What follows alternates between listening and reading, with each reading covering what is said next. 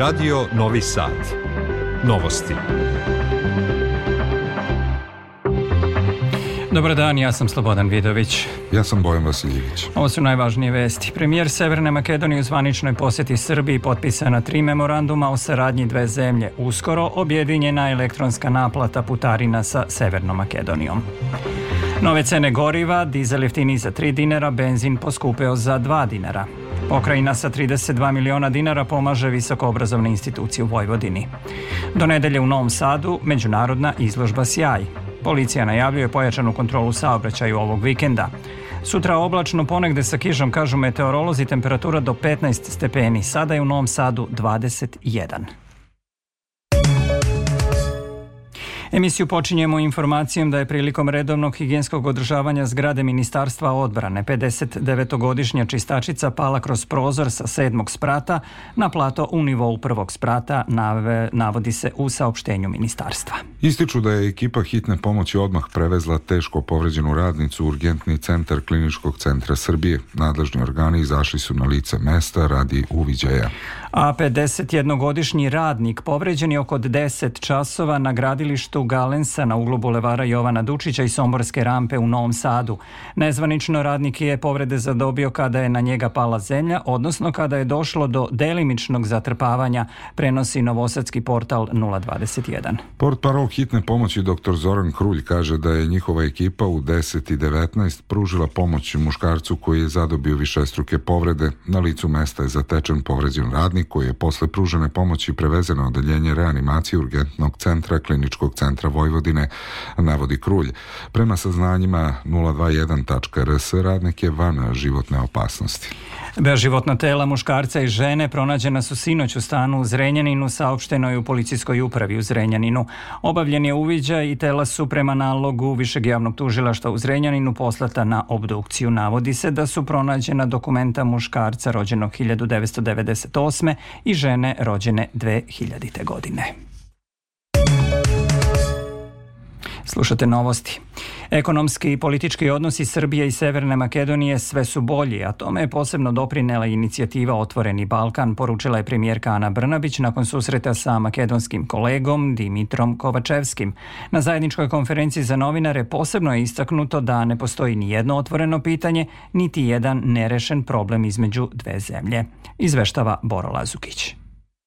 U prisustvu dva premijera potpisana su tri memoranduma o razumevanju koja će unaprediti saradnju dveju zemalja, a jedan od memoranduma tiče se uspostavljanja interoperabilnog elektronskog sistema naplate putarina – Drugi reguliše saradnju u oblasti rudarstva i energetike, dok treći nudi mere za unapređenje kretanja ljudi i roba preko zajedničke granice. Premijerka Brnabić primetila je da su ekonomski i politički odnosi dveju zemalja sve bolji, a da je tome posebno doprinela inicijativa Otvoreni Balkan. Takođe, prevaziđena je međusobna trgovinska razmena od 1,5 milijardi evra, te da se približava robnoj razmeni od 2 milijarde evra. Vi kada pogledate recimo naš izvoz a, Republike Srbije u Republiku Severnu Makedoniju se u 2022. godini povećao 16%, ali vaš izvoz, a naš uvoz iz Republike Severne Makedonije u Republiku Srbiju se povećao čak 56%. Dakle, vaš izvoz se povećao mnogo više nego naš izvoz izvoz vama. Zajednička saradnja, pomoć i solidarnost u vreme energetske i ekonomske krize sa kojom se suočavamo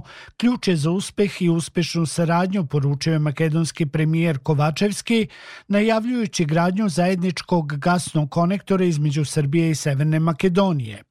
Osvrnuo se i na nedavni sastanak Vada u Skoplju, nazivajući ga neformalnim skupom koji je okupio predstavnike Severne Makedonije, Kosova, Albanije i Crne Gore, tvrdeći da nije reč o alternativi otvorenom Balkanu, jer iza ove inicijative stoje vlade zemalja potpisnica. Koje iza sebe već ima 15 potpisanih memoranduma sporazuma sa aktivnostima koje omogućavaju olakšavanje ekonomske razmane trgovinske razmene, unapređivanje kulturne razmene, unapređenje protoka ljudi, povećanje turističkih poseta. Prethodno se sa predsjednikom vlade Severne Makedonije Dimitrom Kovačevskim sastao i predsjednik Srbije Aleksandar Vučić.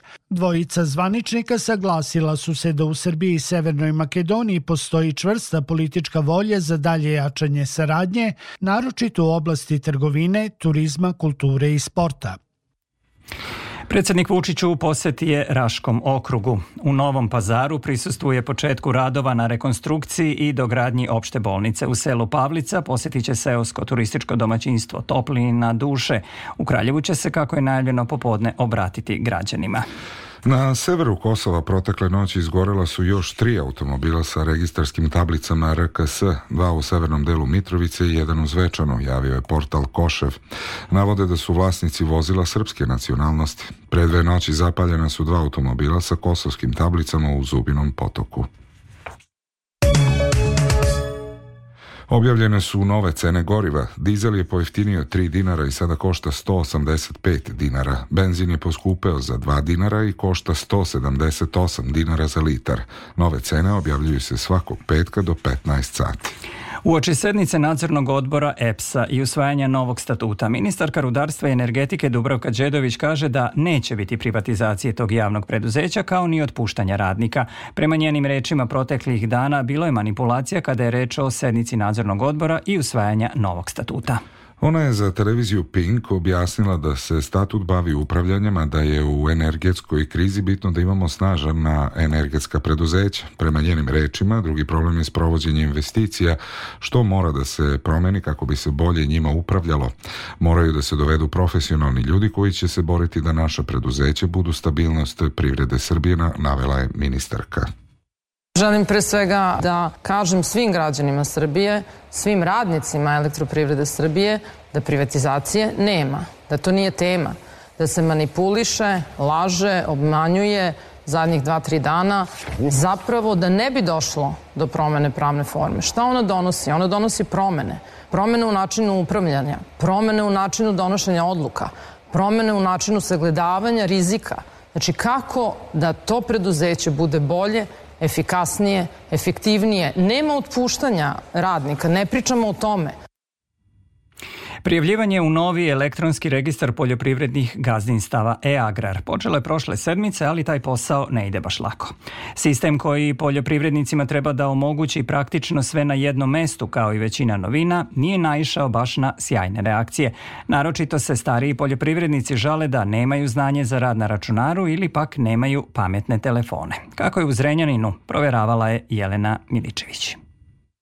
Svetan Tošić, poljoprivrednik iz Čente, u Zrenjaninsku poljoprivrednu stručnu službu došao je kako bi se obratio za pomoć pri registraciji na e-agrar. Kako kaže, preko računarskih uređaja uglavnom uz pomoć dece uspeva da odradi jednostavnije radnje, te se nada da će nakon registracije korišćenje sajta ići lakše. Pa malo je komplikovano, pokušao sam sam, pa ne vredi nešto, neka, bilo je do neke greške, pa sam došao ovde poljoprivrednu službu. Ljudi ljubazni su izašli u susret, postali me gde treba, otišao sam u sup.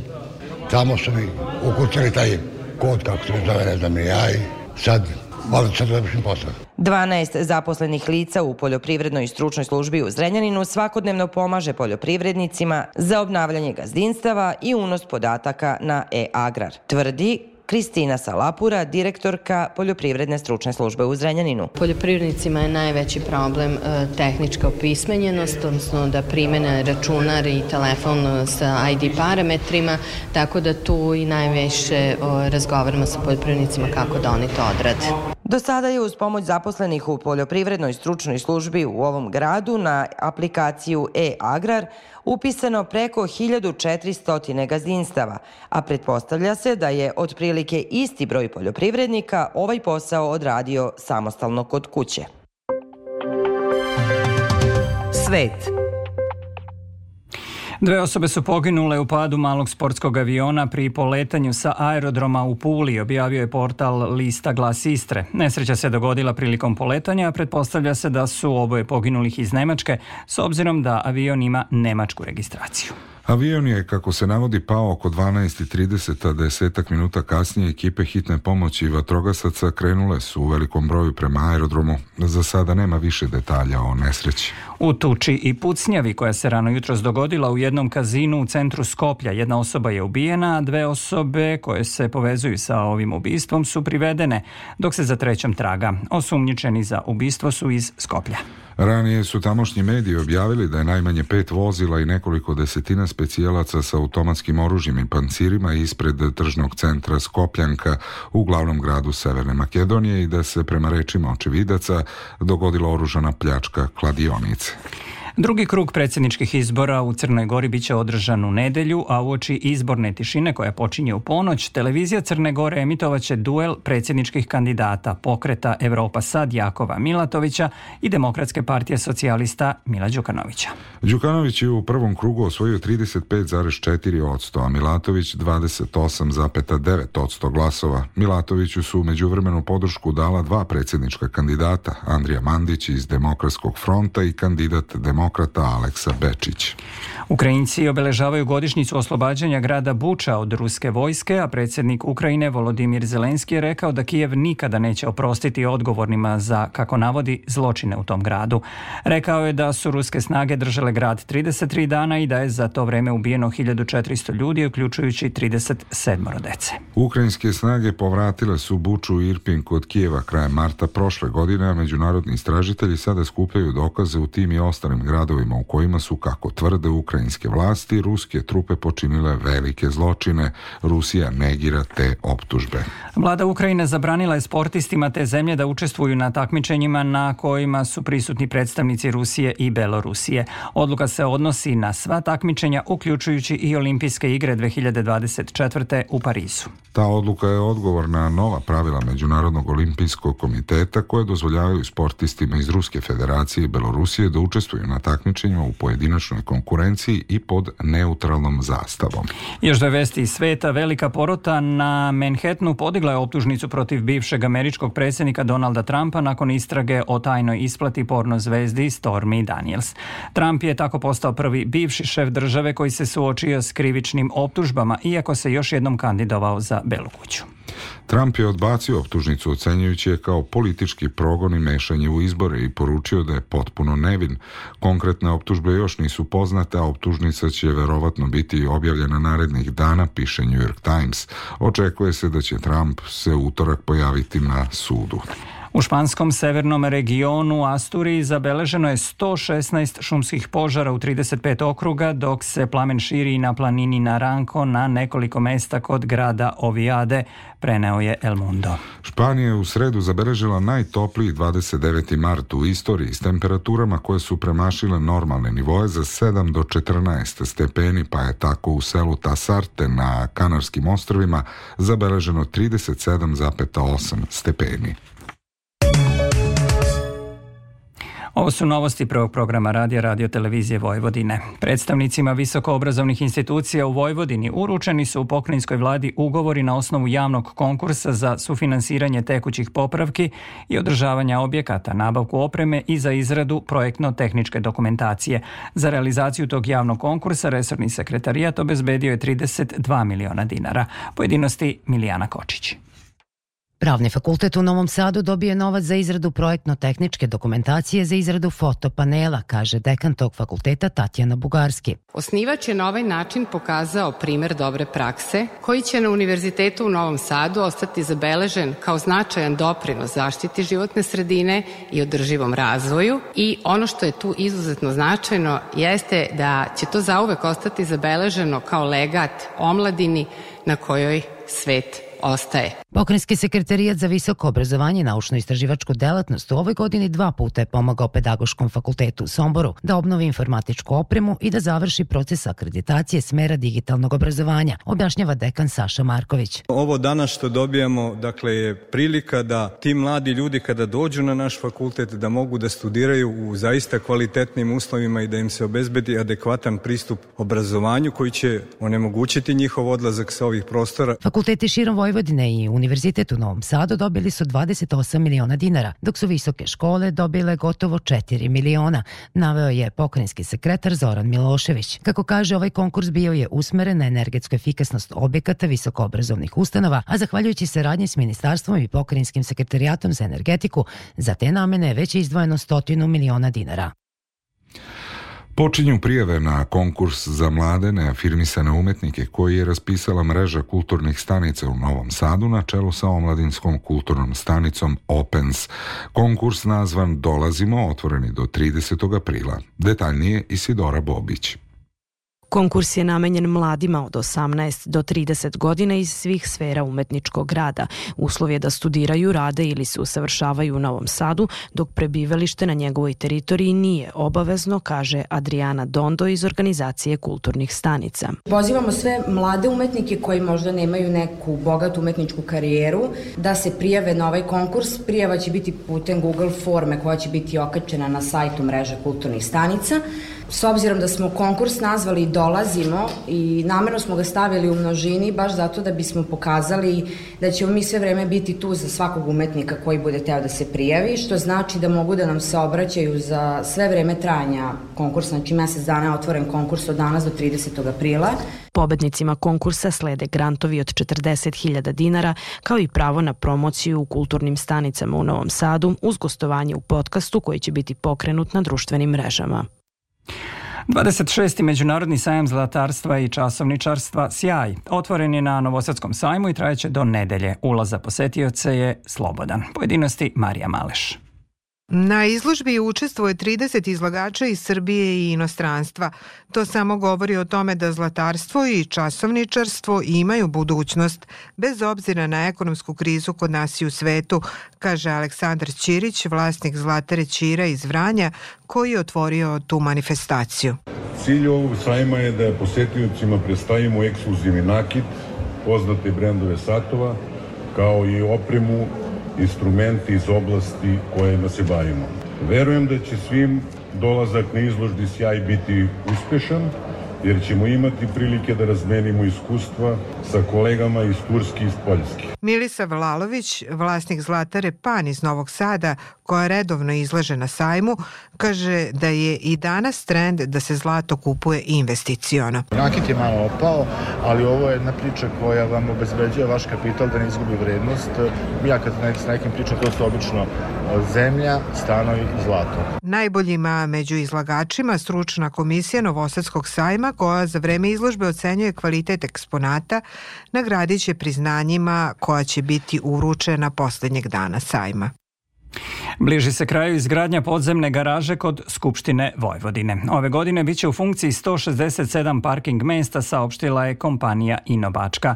Navode da se izvode instalaterski radovi, postavlja sistem protiv požarne zaštite i ventilacije, posle čega slede završni, fini zanatski radovi. Pojedinosti Vesna Balda. Do kraja maja biće obeležena parking mesta, čime će biti stvoreni uslovi za parterno uređenje i obnavljanje Banovinskog parka sa novim sadržajem i mobilijarom koje prema ugovoru radi grad Novi Sad. U saopštenju se navodi da je kompanija Inobačka odlučila da podrži inicijativu građana i grada Novog Sada te izmenila projekat podzemne garaže po kom je prvobitno trebalo da bude 207 parking mesta, ali će ih sada biti 40 manje. To je učinjeno kako bi se očuvala zelena površina, odnosno sačuvao drvored jablano stanova i jedno stablo kestena koji nisu bili pod zaštitom, a prvobitnim projektom bili su predviđeni za uklanjanje. Posle završetka parternog uređenja pre puštanja u funkciju podzemne garaže, na svoje mesto biće vraćen i spomenik Vasi Stajiću, koji je uklonjen pre samog izvođenja radova da bi se izbegla oštećenja na spomeniku, a uz koordinaciju i uslove koje je izdao Zavod za zaštitu spomenika kulture. Ovo su novosti Radio Novog Sada. Povodom završetka konkursa za izbor novog generalnog direktora radiotelevizije Vojvodine, deo opozicionih stranaka održao je konferenciju za medije ispred zgrade RTV-a na Mišeluku. Predstavnici demokratske stranke, stranke Slobode i pravde, pokreta Slobodnih građana, pokreta Srbija, Centar Src, pokreta za preokret i akcije Progresivne Vojvodine ocenili su da se u izbor prvog čoveka pokrajinskog javnog medijskog servisa uplela politika i da očekuju da radio televizija Vojvodine bude medijski servis svih građana Vojvodine, što, kako tvrde, sada nije slučaj. Predstavnici opozicije ukazali su i na, kako smatraju, neregularnosti u dosadašnjem izboru pojedinih kadrova, kao i na neodgovornosti u finansijskom poslovanju te medijske kuće. Pre informacija iz sporta, još jedna vest. Policija će zbog pojačanog prisustva stranih i domaćih državljana ovog vikenda pojačano kontrolisati saobraćaj, izjavila je Milica Dobrić iz Uprave saobraćajne policije. Tokom predsećeg vikenda kontrola će biti usmerena na otkrivanju i procesuiranju saobraćenih prekršaja koji imaju direktan uticaj na bezbednost učesnika u saobraćaju. Naročito na prekoračenje dozvoljene brzine kretanja, nekorišćenje sigurnosnog pojasa, nepropisan prevoz dece, vožnja pod dejstvom alkohola i psihoaktivnih substanci i prekršaja mopeda i motociklista. I vesti sporta u 32. kolu košarkaške Evrolige Partizan od 20 časova i 30 minuta dočekuje Real iz Madrida, dok Crvena zvezda od 21 čas gostuje francuskom Asvelu.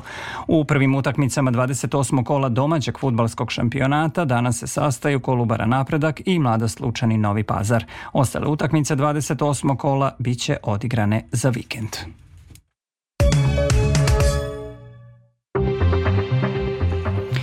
Podsećamo na najvažnije vesti. Premijer Severne Makedonije u zvaničnoj poseti Srbiji potpisana tri memoranduma o saradnji dve zemlje. Uskoro objedinjena elektronska naplata putarina sa Severnom Makedonijom. Na gradilištu u Novom Sadu povređen radnik i u Beogradu povređena radnica. U Zrenjaninu pronađena dva beživotna tela. Nova cena goriva, dizel jeftini za 3 dinara, benzin poskupeo za 2 dinara. Pokrajina sa 32 miliona dinara pomaže visoko obrazovne institucije u Vojvodini. Do nedelje u Novom Sadu međunarodna izložba sjaja. Čuli ste, policija najavljuje pojačanu kontrolu saobraćaja ovog vikenda, a meteorolozi za sutra najavljuju oblačno ponegde sa kišom. Evo i detaljnije prognoze.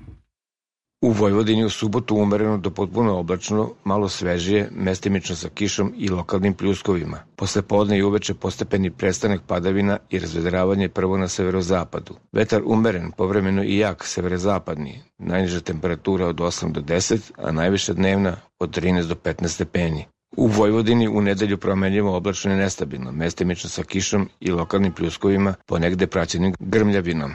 U ponedeljak pretežno oblačno, hladno i vetrovito, uglavnom suvo. U utorak pretežno oblačno, hladno suvo. Od srede promenljivo oblačno i malo toplije. Za Radio Novi Sad, meteorolog Miodrag Stojanović. Slušali ste novosti prvog programa radija Radio Televizije Vojvodine. Ovu emisiju možete da slušate odloženo na internet stranici rtv.rs gde su i sve važne informacije iz zemlje i sveta. Emisiju tonski realizovao Goran Mavić, producent Branislava Stefanović. Pred mikrofonom bili Slobodan Vidović i Bojan Vasiljević. Posle radio sporta i vesti u 16 možete slušati emisiju o turizmu Peta strana sveta.